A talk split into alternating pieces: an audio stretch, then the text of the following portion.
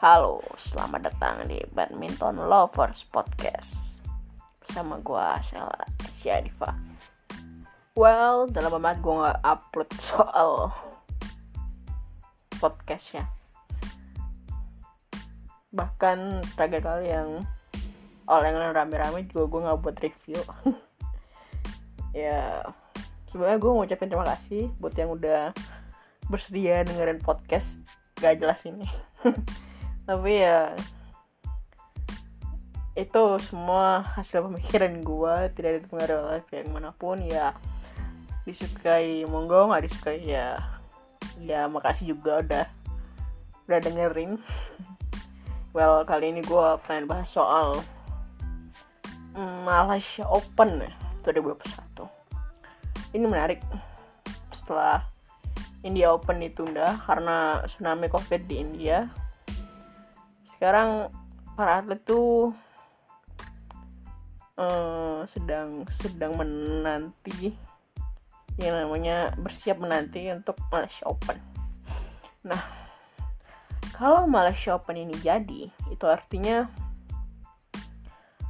10 pemain 10 pemain top 10. Iya, 10 ya top 10. Pemain yang ada di top 10 di seluruh sektor putra put tunggal putra tunggal putri ganda putra putri dan campuran itu akan bermain untuk pertama kalinya di sebuah kompetisi setelah Maret 2020 ya.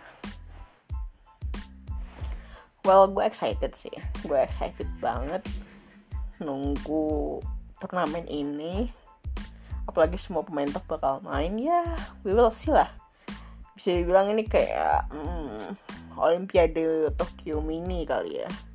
Kita bisa lihat tuh ntar performa dari semua pemain yang ada di top 10 gimana. Yang ya Kevin Marcus, Grecia Apriani, Sanendra, Ginting, Jonathan, Pramel, Half Glow sampai Gregory Jal gimana ya ketika mereka benar-benar harus berhadapan sama pemain top 10 ya.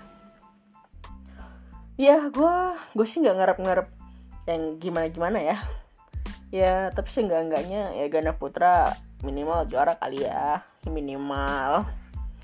Tunggal putra gue nggak bisa ngomong yang gimana gimana ya intinya tampil bagus saja ganda campuran ya gue berharapnya Ramel main bagus sih di sini. Ya minimal kita ngambil juara di ganda putra lah ya. Sisanya empat sektor yang lain.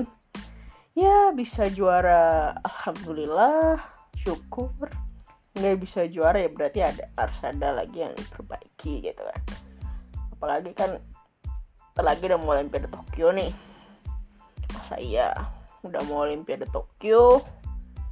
Ya performanya masih gitu-gitu aja. Apa aja idenya Olimpiade Tokyo nanti? Ya jadi kalau menurut kalian semua nih Indonesia tuh berpeluang di sektor mana sih